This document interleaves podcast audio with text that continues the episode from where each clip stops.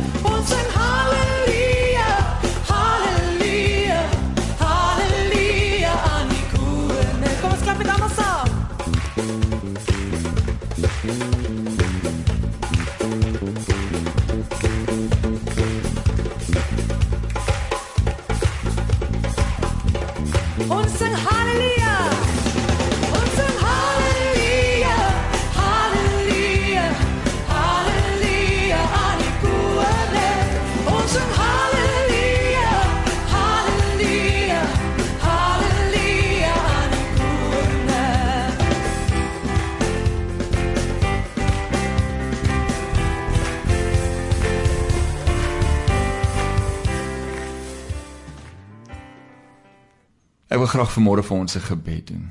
Hemelse Vader, baie dankie dat U die goeie herder is, die herder wat vir U kudde sorg, wat ons lei elke dag, wat ons lei na groenwy velde toe, sodat ons net weer rustig kan word en U stem kan hoor en in U teenwoordigheid kan vertoef. Baie dankie vir dit wat ons vanmôre kan leer, dit wat ons kan deel en dat U harte sal ontvanklik maak vir U woord in Jesus naam. Amen. Nou die tema wat ek vandag met jou wil deel is die sorg van die Here en wat verstaan ons daaronder en wat beteken dit vir my en vir jou? En ons gaan volgens saam lees uit Matteus 6 vanaf vers 25 tot 34 en ek gaan dit lees uit die Nuwe Lewende Vertaling.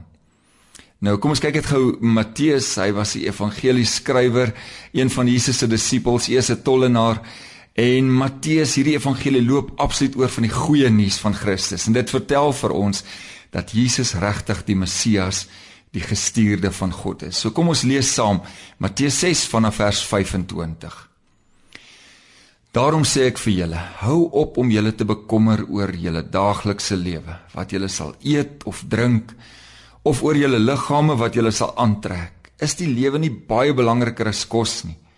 En is 'n mens se liggaam nie baie belangriker as klere nie? Hou die voëls dop wat daar vlieg. Hulle saai nie, hulle oes nie, hulle maak nie 'n skure bymekaar nie. Dit is onnodig want julle hemelse Vader gee aan hulle hulle kos. Besef julle dan nie dat julle vir God nog baie kosbaarder is as hulle nie. Kan al julle bekommernisse julle lewe 1 sekonde langer rek en wat klere betref, wat bekommer julle julle daaroor? Leer hierdie les by die veldlelies wat so pragtig in die blom staan. Hulle sloof hulle nie af om vir hulle self klere te maak nie en tog sê ek vir julle self Salomo in al sy glorie was nie so pragtig aangetrek soos een van hulle nie. As God dan die veldplante wat vandag daar is en môre verbrand word, so mooi aantrek, hoeveel te meer sal hy nie vir julle sorg nie. Is julle geloof dan so klein? Moet julle dus nie bekommer of vra wat sal ons tog eet of wat sal ons drink of wat sal ons aantrek nie.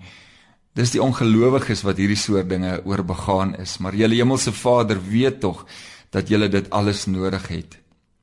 Nee, maak die koningsheerskappy van God en dit wat vir hom reg is julle prioriteit, dan sal God vir julle al hierdie en ander dinge byvoeg. Moet julle daarom nie oor môre bekommer nie. Môre sal sy eie bekommernis bring. Vandag se moeilikhede is vir een dag heeltemal genoeg.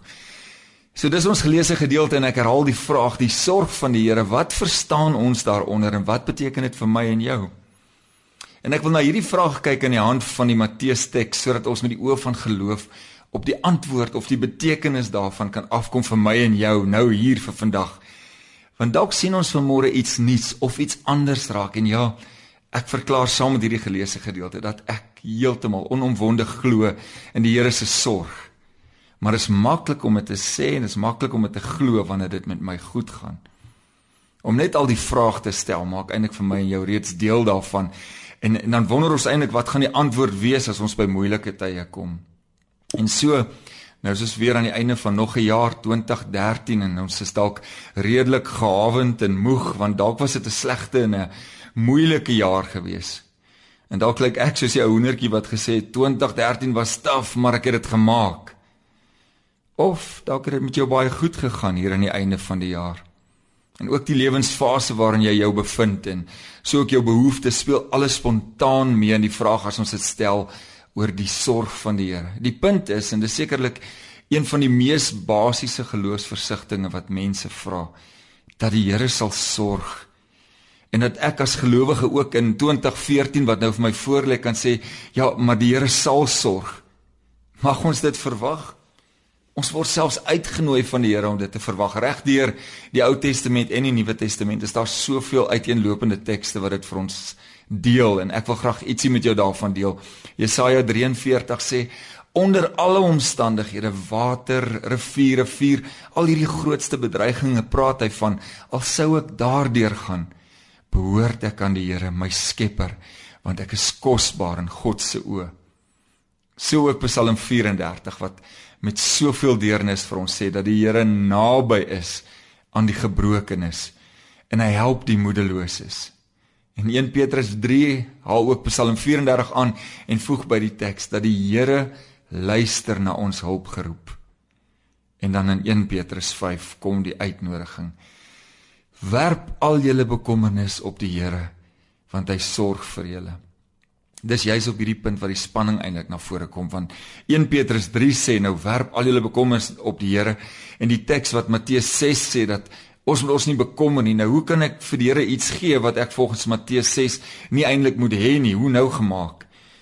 En dit is natuurlik sodat ek eerder tuis voel in 'n teks wat wat meer realisties oor die lewe praat, want die ding is so, die lewe is so ek ons bekommer, ons worry as ek die woord kan gebruik. En ons regtig so baie goed waaroor ons ons kan bekommer soos gesondheid en geld en my uitslaa wat moet kom en my eksamen uitslaan, die veiligheid en die politiek en verhoudinge en ek word ouer en hier's 'n nuwe jaar wat voor lê. Daar's so baie wat ek kan opnoem. En dan sê u dat ons ons nie moet bekommer nie.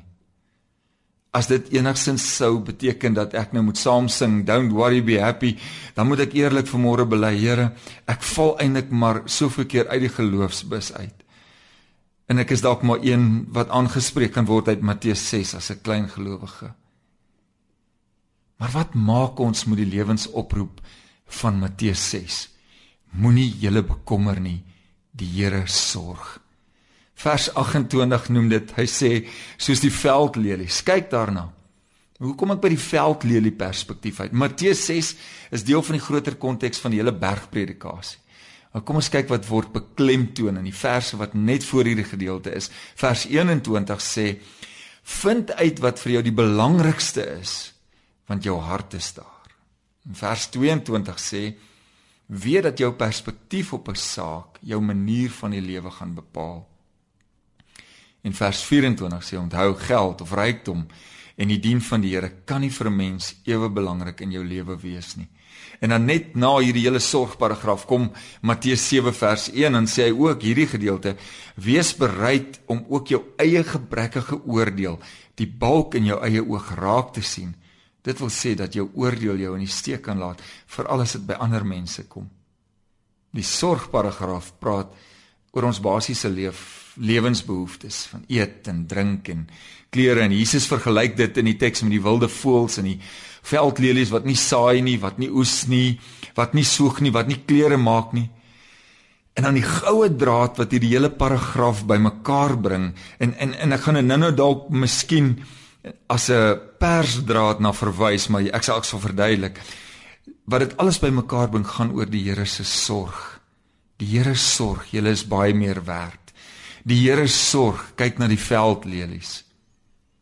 Goed, Here, ek gaan kyk en nou is dit so dat ek wil jou nooi vir oggend om miskien daardie spesifieke saak, dit wat swaar op jou hart lê, dit wat jy oorwonder as dit by die sorg van die Here kom, gou in gedagte te roep en dan dan sê ons weer goed Here, kom ons gaan kyk. Ek gaan kyk en sal myself dan in die lig van hierdie verse van 21 tot 24 bietjie 'n paar vrae vra. Waar is my hart wat hierdie saak aanbetref? Hoe sien ek dit? Wat's my perspektief? Wat is op die oomblik in my lewe vir my die belangrikste? Wat is my lewensprioriteit? En as ek dan moet dat ek bereid sal wees om my perspektief te hersien. En die veldlelie wat hierna verwys word in die meeste kommentare sê dit so, kan ook anemone wees, 'n fyn persblommetjie soos 'n poppie wat redelik algemeen in Israel voorkom. Maar dit kan ook die aronskelp Palestinum, 'n Latynse verklaring van Palestina wees, so die arenskelk van Palestina. En ek haal dit aan uit 'n artikel van Dani Veldsmann. Hierdie veldlelie is so 'n besondere kunswerk. Sy kleur aan die binnekant is pers, 'n 'n koninklike kleur. En dit word ook by ander uh, verwys na Solomon's lily. En daarom die woorde in vers 29 wat self sê dat koning Salomo in al sy pragt was nie geklee soos een van hulle nie. 'n mens sou amper wou sê dat die kleur van my verhouding met God kan kan in pers beskryf word soos hierdie aronskelk. Dis die beste, dis koninklik, dis die hoogste. Dis die kleur van die geloofsoog waarmee ek nie net na myself moet kyk nie, maar my verhouding met God, na my medemens, want ek is kind van God, koninklik, kosbaar en ek is baie werd. Maar dis nie al nie. Daar is nog iets meer verrassend en radikaal hierby. Hierdie Aronskelk van Palestina wat in die mees ongenaakbare woestyngebiede voorkom, het 'n dik, sappige wortelstelsel. En in tye van hongersnood het die mense hierdie veldlelie uitgegrawe en geëet. En dit was ook kos vir die armes en vir die behoeftiges. Wat wil hierdie konkrete wortelstelsel van die veldlelie vir ons vanoggend bysê oor die sorg van die Here. Luister mooi. Dit is daar, maar ons sal soms ook 'n bietjie dieper moet kyk, ja. Selfs onder die grond moet grawe daarvoor. Harde lewenswerklikheid waarin ons ons soms of dikwels in bevind. Dan sê vers 33 dit so mooi en ons almal ken dit. Hy sê beywer julle. En die ou vertaling sê soek allereers. En die skrywer het dit hier vertaal. Hy sê grawe daarvoor. En as jy dalk vanmôre deur trane heen moet grawe in hierdie woestynsand wat ontsettend en ondraaglik warm kan word, kan dit wees dat dit dalk eers dat ek dalk eers ontslae sou moet raak van my goedkoop oortuigings oor die sorg van die Here. Oortuigings wat dalk sê Ja, dit gaan altyd goed met 'n gelowige mens, met 'n persoon wat aan die Here behoort. Niks loop ooit vir my verkeerd. Nou moet ek ontdek dat dit nie eintlik altyd so is nie. Nee.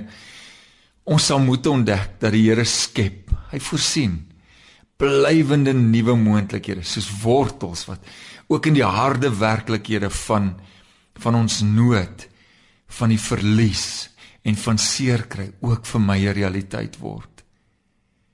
In ons verhouding met God is ons met 'n dierprys en met diep genade verlos.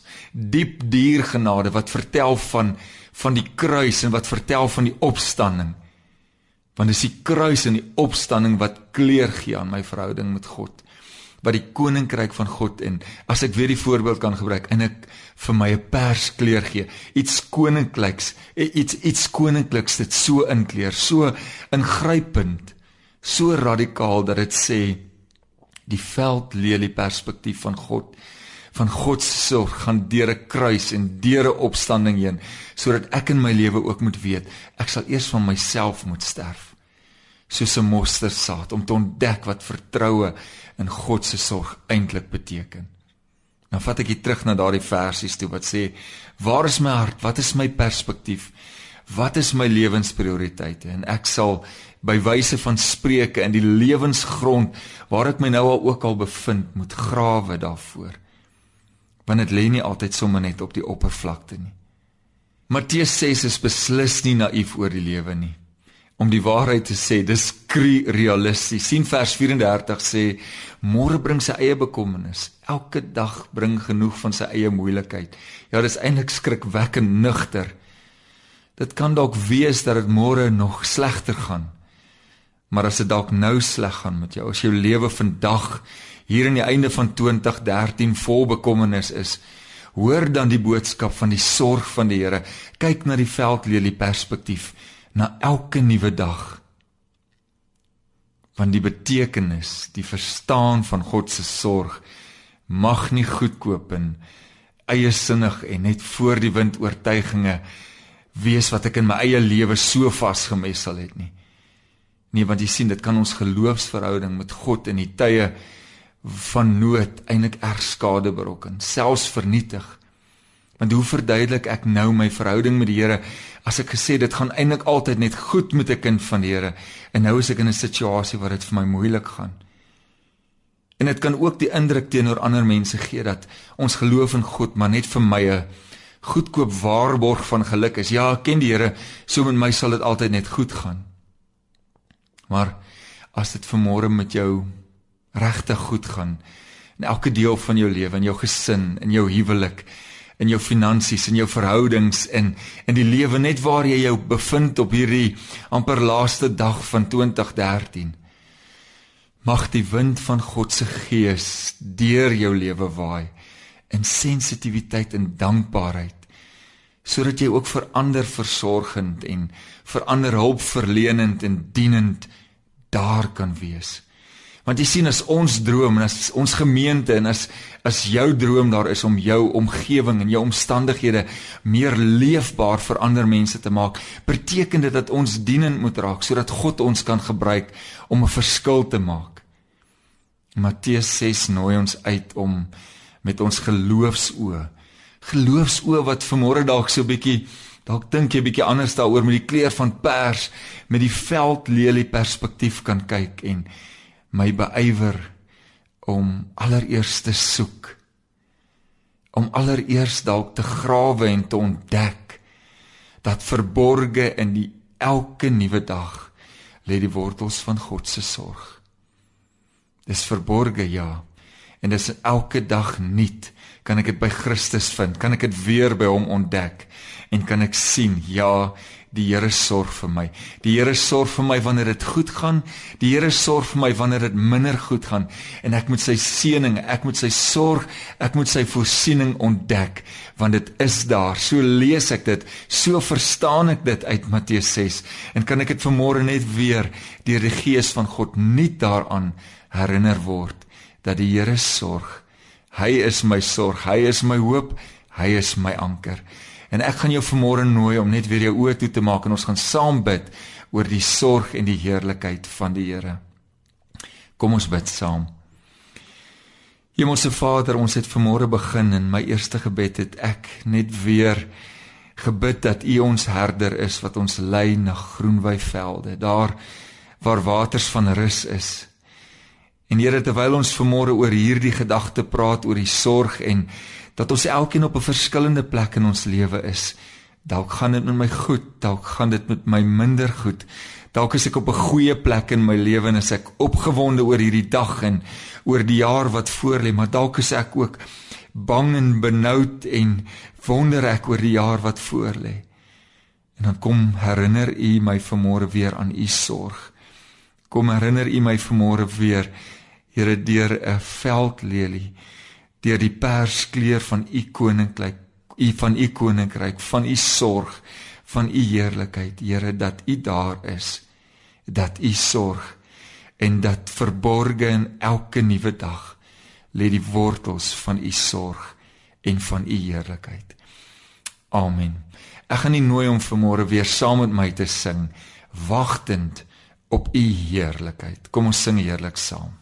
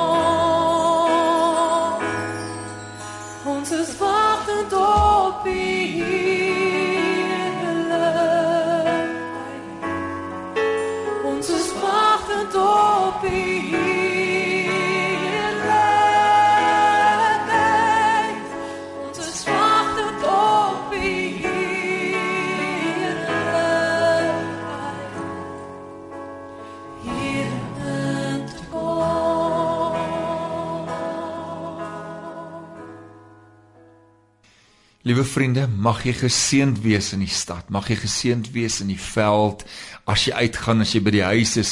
Net waar jy gaan, mag jy die Here se guns en sy genade ontdek in jou lewe, want dit is wat hy aan jou wil bewys.